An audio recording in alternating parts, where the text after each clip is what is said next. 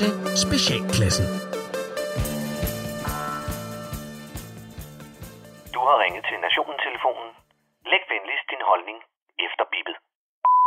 Ja, det er Palle fra Kallenborg. Palle? Palle? Palle, har du hørt det? Ja, ja, ja, ja. De åbner lortet igen. Frisørerne laver saksen på hinanden af glæde, og Allan Randrup Thomsen kan ikke længere stå og hive sig selv i den afsprittede pikkemand til synet af et lukket skilt. Men det var ikke det, jeg ringede for at tale om. Jamen, Palle, hvad kan der være vigtigere at tale om en genåbning? Al holdlejren og pikhodernes børn, der render rundt dernede. Åh oh, nej, Palle. Hvorfor skal vi ødelægge den gode stemning med den irriterende historie? Børnenes statsminister har jo sagt, hvad hun mener i den sag. Præcis. De hvide børns statsminister har talt, og vi må så forstå, at Kusten mener, at et godt barn af en syrienskriger er et dødt barn af en syrienskriger. Og hvis ungerne er heldige, så kan de sidde i den lokale dagpleje, den glade landmine og vente på, at onkel Isis kommer og henter dem lidt tidligt, så de kan komme med til halshugning for begyndere og flette dit eget selvmordsbælte. Mette Frederiksen har nemlig lige fået duk friske tal ind, og de fortæller, at herre fru blandt selv slik smider stemmer, likes og evigt troskab hendes vej, hvis hun til gengæld agerer en moderne Dagmar Overby. Hvem er Dagmar Overby, Palle? Læg Candy Crushen og læs en bog, din åndssvag tallerken fløderand. Faktum er, at de små svin kommer hjem, uanset om du ved det eller ej.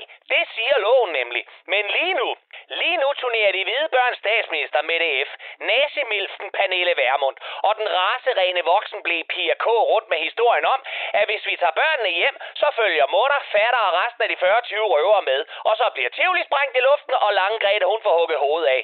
Prøv lige at høre her. Fatter er sprunget i luften, og mutter hun vil blive lagt i håndjern og benlås, før flyet rammer dansk luftrum, og hun har nået at råbe alle ud af dåsen. Jamen Palle, hvorfor skal vi trækkes med de børn? Deres forældre har jo vendt dejligt Danmark ryggen. De er Syriens problem nu. Jamen, den leg, den kan vi da også godt lege. Så synes jeg bare, at vi fremadrettet selv skal tage os af polske triktyve, tyske pædofile, franske terrorister og tyrkiske alfonser.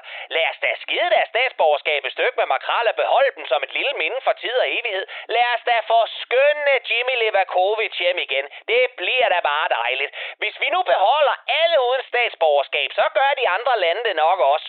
Prøv lige at høre. Røvhullerne nede i alhul i hovedlejren er desværre danske. Ikke i hjertet, men af lov. Og så skal de retsforfølges her til lands, så vi kan komme dem på jul og stejle. Det nytter kraft og rød med ikke noget, at den magtfuldkommende store leder konsekvent kalder PET for en styrelse, når de kommer med ting, hun ikke kan lide at høre.